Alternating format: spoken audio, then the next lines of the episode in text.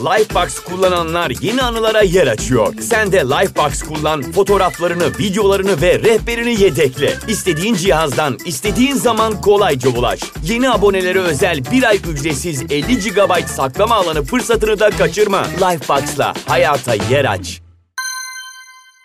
Genel Sesler Podcast'inden herkese merhaba. Bugün Dünya Bipolar Günü, 30 Mart. Yanımda e, konuğum uzman psikiyatrist Berna Ermiş var. Merhabalar herkese. E, bugünün nedeniyle bipolar bozukluk üzerine konuşmak istedik. Hı hı. O yüzden ben hiç oyalanmadan direkt sorularımıza geçiyorum. Neden Dünya Bipolar Günü diye bir gün var Berna Hanım? Bu konuda bir şekilde farkındalık oluşturulmaya çalışılmasının sebebi nedir? Ee, öncelikle bu konuda e, yeterli bir farkındalık yok gerçekten. Hastalar bazen kendi hastalıklarını bile bilmiyorlar. Ee, birinci önceliğin e, hastaların da kendi hastalıklarını fark etmeleri, tanımaları, özellikle belirtileri tanımaları ve e, bu rahatsızlıkla beraber yaşamayı kabul etmeleri ve bu sürece uyum sağlamalarını sağlamak olduğunu düşünüyorum. Bunun dışında tabii ki toplumsal bir bilinç de çok önemli. Ee, özellikle dünyada bu konuda tabii ki bilincin oluşması. Çünkü e, bu rahatsızlığı olan kişilerin yakını da olabilirsiniz, ailesi, arkadaşı da olabilirsiniz ve sizlerin de farkında olmaya ihtiyacınız olabilir. Ve e, bu rahatsızlık e, destek isteyen yani toplumun da desteğini isteyen bir rahatsızlık olduğu için farkındalık gerçekten çok önemli. Ve burada tabii ki etiketleme, damgalama da devreye giriyor. E, psikiyatrik hastalıklarda maalesef böyle bir şey var. Kesinlikle var. Yani evet. bir depresyonunuz olsa, bipolar bozukluğunuz olsa ya da bir kaygı bozukluğunuz olsa dahi e, maalesef bu rahatsızlıklar etiketlenmeye çok açık olduğu için işte sen bipolarsın e, deyip bir kavga sırasında e, bir takım sözler sarf edebiliyor insanlar birbirine. Biraz da sanırım bu etiketlemeyi de e, önlemek için e, oluşturulmuş bir gün. İyi ki var, iyi ki oluşturulmuş. Evet evet e, sanki böyle küfreder gibi bipolar mısın ya? Evet değil mi? Evet bunu OKB içinde duydum bu arada. Evet şizofreni içinde yaparlar. Aynen aynen. Maalesef. Aynen. Kesinlikle yani. öyle. Hı-hı. Aslında normalde bunlar da bir hastalık bedensel hastalıklarımız Tabii ki gibi. yani tansiyon hastalığı gibi ya da şeker hastalığı gibi yani diyabet olarak bilinen ama halk arasında şeker hastalığı olarak bilinen hastalıklar gibi bir hastalık yani. Beynimizde rahatsızlanabiliyor, hastalanabiliyor. Evet. Beynin bir hastalığı diyebiliriz. Kesinlikle. Şimdi ben bipolarla ilgili araştırma yaparken Türkiye Psikiyatri Derneği'nin web sitesine girdim Hı-hı. ve orada şöyle yazıyordu. Vincent van Gogh'un da doğum günü olan 30 Mart günü bipolar bozukluk günüdür. Onunla ilgili e, çok böyle şey bir anekdot var. Diyorlar ki hani bu bipolarda manik dönemindeyken kulağını kesti. Hani böyle korkutucu bir şey de yaşanabiliyor mu? Yaşanabiliyor. Şöyle e, isterseniz onu biraz açıklayayım. Tabii. Bir kere neden bipolar bozukluk ismi bipolar iki kutuplu demek. Yani iki uçlu duygu durum bozukluğu olarak da geçiyor bu rahatsızlık. Manik depresif hastalık olarak da geçiyor. Yani bir ucunda mani var, bir ucunda depresyon var. Hı hı. Terazinin iki kefesi gibi düşünebilirsiniz. Ve kişi e, bir sene içerisinde ya da seneler içerisinde ya da bazen aylar içerisinde e, ataklar geçiriyor. Biz bunların hepsine atak diyoruz. Yani manik atak diyoruz mesela. Depresif atak diyoruz. E, mesela böyle bir hani kulak kesme gibi e, hakikaten e, yoğun bir olay manik dönemde de yaşanabilir, depresif dönemde de yaşanabilir. E, bu şu demek, örneğin manide yaşandığı söyleniyorsa manik dönem e, kişinin duygu durumunun e, yükseldiği dönemdir. Yani e, normalde bizim ruhsal enerjimizin belli bir çizgisi var. Değil mi? Biz buna denge diyoruz. Aslında bipolar bozukluğun ötimik dönemi diyoruz. Ötimik dönemde hastalık belirtileri sakinlemiştir. Kişi normal hayatına devam eder. Aile ilişkilerine, işine, e, öğrenci ise okuluna hepsinden devam eder. Ama e, mesela manik dönemde o ruhsal enerji artmıştır. E, hasta yakınları da çok şaşkındır. E, hastayı genelde şaşırarak getirirler. Eğer ki ilk ataksa e, duygu durumda bir yükselme vardır. Yani bu ne demek? Örneğin o duygu durum dediğimiz yani son bir haftadır, en az bir haftadır kişinin kendini nasıl hissettiği o ruh hali diyoruz duygu duruma. Ve duygu durumun yükselmesi bizim son derece canlı dediğimiz bir hale de geçebilir. Yani kişi çok normalden çok daha sevinçli, neşeli, e, canlı, konuşkan da olabilir ama normalden çok daha öfkeli, bir anda kızdırılabilen, e, normal zamanda hiç kızmayacağı şeye aniden tepki veren hale de gelebilir. Şaşırırsınız ve tabii öyle bir dönemde e, çevresine ve kendine zarar da verebilir. Ya ben bir dizi izlemiştim. Amazon Prime'de çıkıyor. Modern Love isimli. Hiç duydunuz mu bilmiyorum. Duydum ama izlemedim. Orada ünlü oyuncu Anne Hathaway'in başrolünde olduğu bir Hı bölüm var. Hı. Böyle her bölümde farklı bir konu işleniyor ve bunlar da gerçekmiş galiba. Bir gazeteye gönderilen hikayeler. Ben ilk defa o bölümde tanıştım bipolar bozuklukla. Baş karakterimiz Anne Hathaway çok güzel bir kadın ve bölümün başında böyle muhteşem, eğlenceli, hayattan zevk alıyor. Bir markete giriyor. Markette çok yakışıklı ve e, çok kibar bir adamla tanışıyor. Birlikte kahve içiyorlar. Böyle hani hayat dolu. Etrafa saçıyor. e, yaşam saçıyor. Adamla anlaşıyorlar. İşte bir akşam yemeğinde buluşacaklar. Ve bir anda akşam yemeğine hazırlanırken birkaç gün sonra bütün duygusu çöküyor. Yatağa giriyor. Bütün camları kapatıyor ve asla bir telefonu açmıyor bile. Hı hı. Günlerce bu şekilde sürünüyor. Sonra bir anda yeniden kalkıyor ve yeniden o muhteşem kişiliğine dönüşüyor. Şok geçirmiştim çünkü böyle bir rahatsızlıktan haberim yoktu Hı. ve çok ilgincime gitmişti. Hani bu şekilde de oluyor mu bu hastalar? Gerçekten bir dönem e, muhteşemken diğer bir dönem yataktan çıkamayan bir hale gelmek onların iş yaşamlarını, ilişkilerini nasıl etkiliyor? Mesela oradaki karakter asla iyi bir ilişki kuramıyor çünkü karşısındaki insan onun davranışlarına anlam veremiyor. Hı hı. Bu kadın bir var, mükemmel varken bir de yok ama hiç yok bu sefer de. Evet. E, tabii ki. E, tabii bizde hastalık yok, hasta var. Yani her e, hastalık her hastada aynı şekilde seyretmiyor. E, bir karakter geliştiriyor. Mesela bazı hastalarda bipolar bozuklukta kişi hayatı boyunca tek bir manik atak bile geçirebilir ve bir daha hiç atak geçirmeyebilir. Ama bazı hastalarda bizim hızlı döngülü dediğimiz bir bozukluk gelişiyor. Yani bir sene içerisinde defalarca kişi atak geçiriyor. Yani bir manik atak geçiriyor, bir depresyon. Bir manik atak geçiriyor, bir depresyon. Yani muhtemelen bu dizide anlatılan e, kadında da böyle bir durum sergileniyor. Evet. Ama şöyle, şimdi burada e, manide o enerji artışıyla birlikte çok konuşma, canlılık, hareketlilik olduğu için gerçekten insanlar anlam veremeyebilir. Yani hasta yakınları bile şaşırmışken düşün hastanın annesi, babası, kardeşleri ya ne oluyor derken ilişki kurmaya çalıştığı kişi bunun hiç e, üstesinden gelemeyebilir. Ama herkes de aynı seyrediyor mu? Hayır, aynı seyretmiyor. Zaten e, mutlaka tedavi başvuruları oluyor ve biz tedavi ediyoruz. Atağı tedavi etmek e, bizim için e, rahattır. Biz zaten hastaya aslında atak geçirtmemeye çalışıyoruz bu Hmm. hastalıkta. Çünkü neden? Geçirilen her atakta hasta için bir yıkım oluşuyor. Yani hem duygusal hem fiziksel olarak. Evet. E, sonuçta bunun altından kalkıyor e, duygusal olarak da. E, belki hastaneye yatması gerekiyor. Bazı manik ataklar o kadar şiddetlidir ki hastane yatışları gerektirir. Evet. Ve hastaneden çıktığında tabii ki e, yeni bir hayatla karşılaşmış oluyor. Yani artık e, ben bir rahatsızlık geçirdim, böyle bir atak geçirdim ve bunu kabul edip bundan sonraki hayatıma nasıl devam edeceğim? Bu nedenle ilişki problemleri olabilir ama onun orada da hani ilaç tedavisinin dışında psikoterapötik yöntemlerle de yaklaşıyoruz. Evet ya hiç unutamıyorum oradaki bir sahneyi. Kadın şey yapıyordu. E, adamı evine davet ediyor. Muhteşem bir işte akşam yemeği elbisesi giyiniyor. Yemekler hazırlıyor. Her tarafı yapıyor. Ve sonra banyoya giriyor ellerini yıkamak için. Adamın gelmesine yarım saat falan var. Ve bir anda her gidiyor falan böyle yere uzanıyordu. Çok şaşırmıştım. Biraz fantastik bile gelmişti hatta bu noktada. Ama sizin de dediğiniz gibi e, herkes de bu şekilde seyretmek zorunda değil tabii ki Tabii de. film nedeniyle biraz daha egzajere edilmiş de olabilir orada. Fantastik gösterilmiş de olabilir. Ama manik ataklardan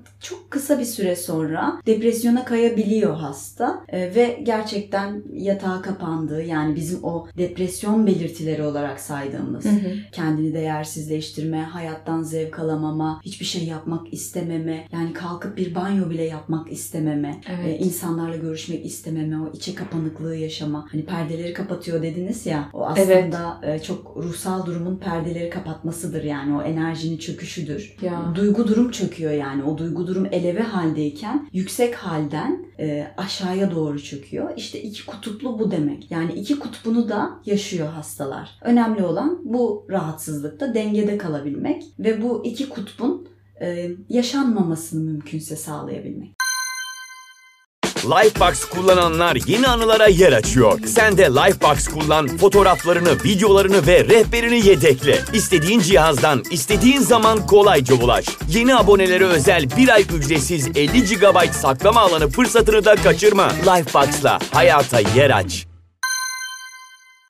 Evet şimdi ben size bir soru sormak istiyorum. Tabii. Mesela bipolar bozukluk başlangıcında olduğumuzu ya da etrafımızdaki insanların olduğunu nasıl anlarız? Başlangıçta demeyeyim ya da direkt bipolar ama hani bu kadar net de değil durum. Hani bir anda ölüp bir anda diriliyor gibi yaşamıyor da belki daha hafif, daha farklı şekillerde atlatıyor ama sosyal ilişkimize zarar veriyor ya da biz kendimiz sıkıntılar yaşıyoruz. Bunu nasıl anlarız? Ne gibi bir işaret verir bize? Bir kere manik ataklar yaşanıyorsa eğer az önce bahsettiğim gibi yani duygu durumda bir yükselme oluyorsa ve kişinin günlük hayatını bozuyorsa bakın burası çok önemli. E, çünkü psikiyatride psikiyatrik rahatsızlıkların artık rahatsızlık sayılabilmesi için kişinin işlevselliğini de bozuyor olması gerek. Örneğin e, bir manik atak geçiriyor hasta ve birkaç gün ardarda arda uyumuyor. Yani normalde uyku düzeni olan kişi uyumaz oluyor. Hiç uyumuyor. 3 gün 4 gün uyumaz ve yine de enerjik, yine de canlı. Gün içerisinde farklı bir hormon mu salgılanıyor? Evet o sırada tabii beyinde hormonlar değişiyor. Bu beynin hastalığı Hı-hı. dedik zaten. Beyindeki o hormonların artışıyla birlikte özellikle dopamin de bunun içerisinde Hı-hı. artışıyla birlikte uykusuzluğa rağmen yine de gün içerisinde tabii ki e, düzenli bir hareket halinde olamadan yani amaca yönelik etkinlik diyoruz biz. Mesela işine gidecek, işindeki aktiviteleri e, düzenli bir şekilde yapacak normalde. Hani o uykusuzlukla enerjisi yüksek oluyor ama yine de işine gidip e, düzenli bir şekilde o işi yapamıyor. Neden? E, kafa karışıklığı oluyor. Çünkü çağrışımlar dağılıyor. Sanki hani düşünceler birbiriyle yarışıyormuş gibi oluyor. Yani dikkati bozuluyor. Herhangi bir şeye konsantre olamıyor kişi o sırada hormonların da etkisiyle ve zaten yakınları bir problem olduğunu anlıyorlar. Yani bir tuhaflık var. Her evet. zamankinden farklı bir şey var burada. Yani bir farklılık olduğunu anlarsınız. Bu şey gibi değil. Ah bu gece uyuyamadım e, gibi bir durum değil yani. Burada evet. gerçekten önemli bir şey olduğunu fark edersiniz. Hani karşınızdakiyle konuşmaya çalışıyorsunuz. Diyelim o rahatsızlığı geçiren kişiyle, manik atak geçiren kişiyle ve o sizinle konuşamıyor. Sizi dinlemediğini fark edersiniz. Ama hmm. gerçekten dinlemez. Yani bu bir dalgınlık değildir. Siz bir şeyden bahsedersiniz, o farklı bir şeyden bahseder. Ve bahsettiği konuyu sürdüremez. Onun etrafında dolanır ya da daldan dala atlar konuşurken e, işte bir, bir cümle söyler sonra alakasız başka bir cümle söyler. Bunu düzenleyemez. Yani normalde biz normal beyin işlevlerimizle bunları düzenleyebiliyoruz değil mi? Evet. Mesela şu anda bu konuşmayı düzenleyebiliyoruz. Evet. Bir yerden bir yere akışı sağlayabiliyoruz. Ama orada düşünce akışı bozulduğu için kişi bunu düzenleyemez. E, bu nedenle manik atak geçiren birini evet fark edersiniz. Yani bence bunları öğrenmek e, çok iyi oldu şu açıdan. Bunu bilmeyen birisi için karşıdaki insanı umursamaz, önemsemez, karşıdaki lafını dinlemeyen biri olarak etiketlemek de kolay olabilir. Yani evet, dinlemiyor ya bu, beni yani. Bu evet, ne yapıyor? Bu da ne tuhaf biriymiş.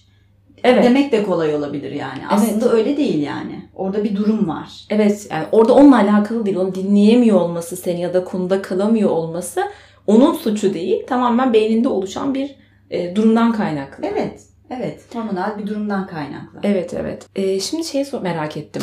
Bu bipolar bozukluğun toplum içerisindeki yaygınlığı ne kadar? Ee, aslında bizim üniversitede hocamız şöyle bir şey derdi. Tedaviye dirençli depresyonların da bir kısmı bipolar bozukluk. Çünkü hı hı. E, bazen kişi manik atak geçiremiyor. Yani manik, manik atakla seyretmiyor. Yani yıllar boyunca kronik depresif ataklar geçiren insanlar vardır. Ha. Ve o mani gözlenmediği için biz onları hep depresyon gibi tedavi etmeye çalışıyoruz. Ama bu lütfen yanlış anlaşılmasın. Yani sadece bir hüzünlenme hali değil. Tabii ya ki da de. bu aralar kendimi depresif hissediyorum. Ya hiçbir şeye enerjim yok gibi bir tükenmişlik halinden bahsetmiyoruz. Bildiğiniz dört dörtlük depresyon halinden bahsediyoruz. Bu depresyonlar yıllar boyu sürer ve manik atak da yaşanmadığı için ve kişi antidepresandan da fayda görmez. Bu nedenle biz hep depresyon gibi düşünürüz ama büyük ihtimalle onların da bir kısmı kendini ortaya göstermeyen bir bipolar bozukluk. Bu nedenle antidepresanlardan fayda görmüyor. Ve bütün bunlar toplandığında Bizim hocamız şöyle bir şey derdi. E, bunun sıklığı yüzde 10 bile olabilir. Yani onda bir bile olabilir derdi. Bu müthiş bir rakam yalnız. Evet, yüksek bir rakam ama tabii ki e, genetik yatkınlığınızın olması gerekiyor. Yani hı hı. bipolarite e, genetik e, olarak e, ortaya çıkan bir rahatsızlık ve her e, genetiğimizde olan rahatsızlığı biz yaşam boyu ortaya çıkarmıyoruz zaten. Değil mi? Evet, evet. Yani bir de epigenetik dediğimiz bir durum var. Yani çevresel faktörlerin bunu tetiklemesi gerekiyor. Ya ben bu arada epigenetiğe bayağı ilgiliyim. bunu deyince direkt aklıma o geldi. Çok ilginç bir konu. Aynı nöroplastisite gibi o da. Evet, evet. Bugünün konusu Tabii değil ki. gerçi ama öyle bir anekdot olsun bu da. Evet. Yani çevresel faktörler çok önemli. Çünkü e, herkes e, her travmadan aynı şekilde etkilenmiyor. Tabii Değil ki de. mi? E, ve bu rahatsızlığın ortalama e, başlangıç yaşının e, 20'li yaşların başı olduğunu düşünecek olursak, evet çok erken, Çok erken. Şaşırdınız. Evet Evet. şaşırdım. e, çok erken bir yaş gerçekten. Ama e, orada da genelde şöyle bir şey olur. E, hatta belki siz de rastlamışsınızdır. E, rahatsızlık ortaya çıkar e, ve şöyle derler. E, ya askere gitti geldi oldu böyle. Ya da işte e, birini çok sevdi ondan sonra oldu. Yani aslında burada hep Çok duyduğum şeyler Evet, bunlar. Evet, aslında şöyle bir şey vardır ya da işte birini kaybetti. Annesi öldü ondan sonra böyle oldu derler. Evet evet. Ee, sanki orada şey gibi görünür. İşte delirdi, aklını kaybetti gibi görünür ama e, zaten hani bipolar bozuklukta yani asla öyle delirmek, akıl kaybı gibi bir şey söz konusu değildir. Tabii.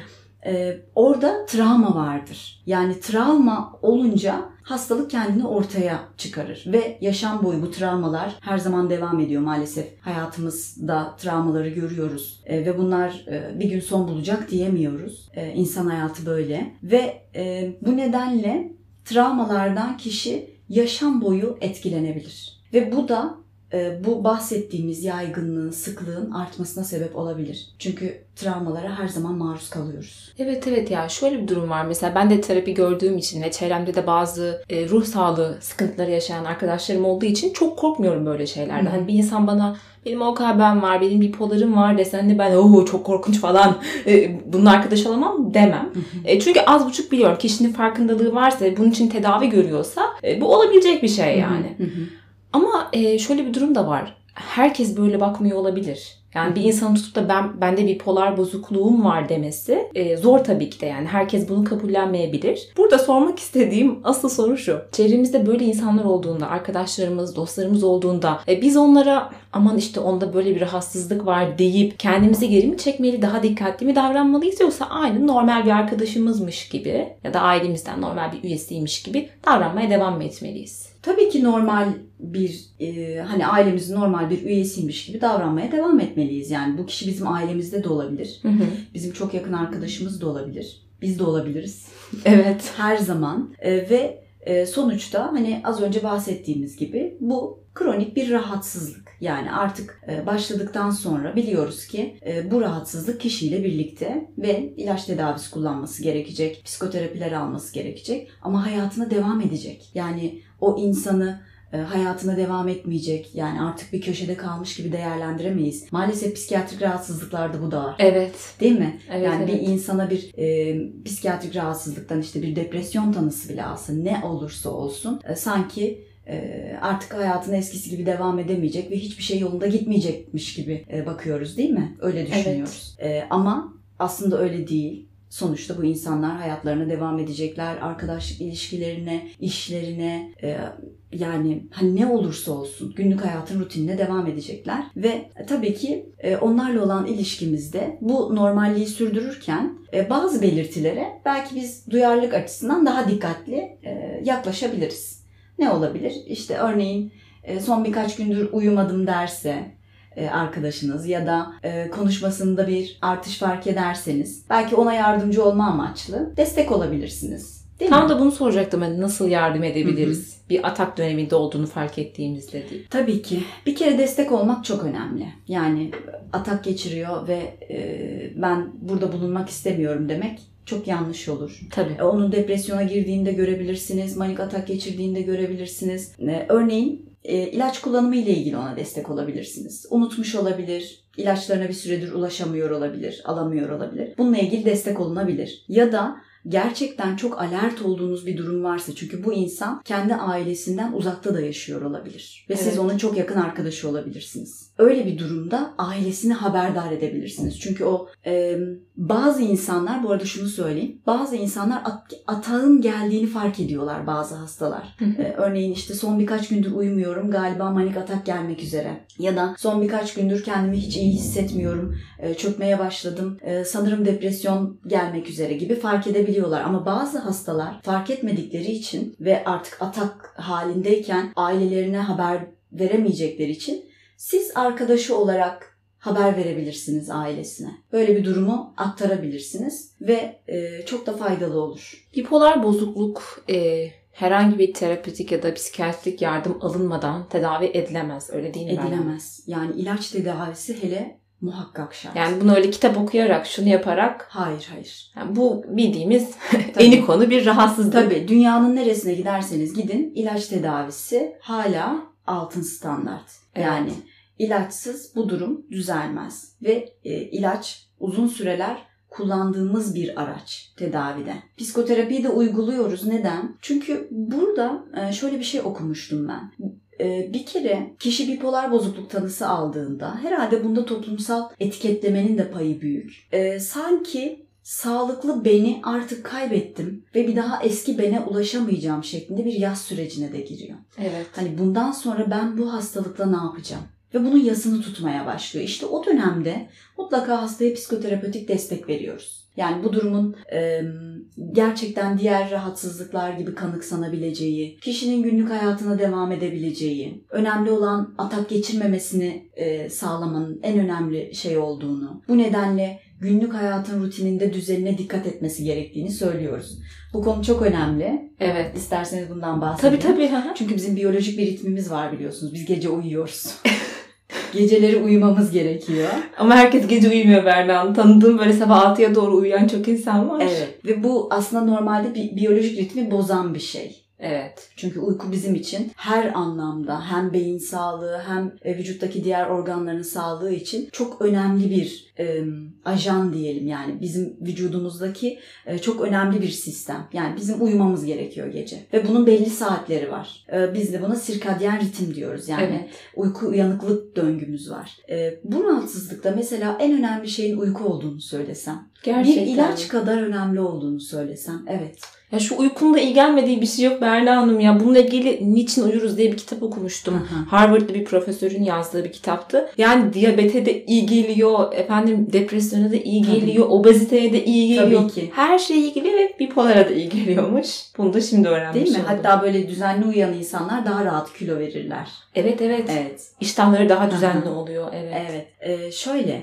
Şimdi bu rahatsızlıkta e, uykuyla birlikte tabii ki vücudun o ritmi yerine geldiği için kişi atağı çok daha rahat atlatıyor. Özellikle manik atağı. Hı hı. Yani uyku bir ilaç kadar önemli. Ben hani e, ilaç öneriyorum ama diyorum ki aynı zamanda uykunuzu düzenli almalısınız. Yani artık uyku sizin için çok önemli bir faktör hayatınızda. E, hatta ilaç tedavisini düzenli alıp her şey yolunda giderken hayatındaki herhangi bir aksaklık sebebiyle e, birkaç gün ya da bir hafta kadar uykusuz kalan insanlar atak geçirebiliyorlar ve ilaç tedavisi altındayken. Ya inan bak Evet, uyku gerçekten... ilaç aldıkları halde bunu Evet. yaşıyorlar. Evet, uyku gerçekten çok önemli. Ee, gerçekten tedaviye bir kalem ilaç eklemişiz, eklemişiz kadar önemli. Bence bu müthiş bir bilgiydi. Evet, Uyku yani e, hem herkesin şu an düzenleyebilir yani buna ulaşabilir. Herhangi bir doktora bile gitmeden uykumuzu düzene bir şekilde koyabiliriz. evet, Ama bir de ekstradan ilaç tedavisi aldığımızda ya da yanında bir de eğer terapi desteği alıyorsak yani bu hastalığı çözmek için bir sebep yok evet ortada. kesinlikle. Yani ataklar dengeye girecektir ve düzenli bir hayat yaşamak çok önemli. Tabii ki stres her türlü rahatsızlığın başı olduğu gibi maalesef e, stres bizim e, hayatımızın baş düşmanı diyebilirim ben. Yani her türlü fiziksel hastalıktan tutun da değil mi bağışıklık sistemi hastalıkları, Evet, evet. romatolojik hastalıklar her şeyi tetikleyebiliyor. Tabii ki kanser değil mi? Bugün Evet. çok bilinen bir şey. Ee, bu nedenle bu rahatsızlıkta da e, mümkün mertebe hani stresi azaltmak, travmatik bir hayattan uzak durmak, belki yanlış ilişkilerden uzak durmak. Bütün bunları düzenlerse kişi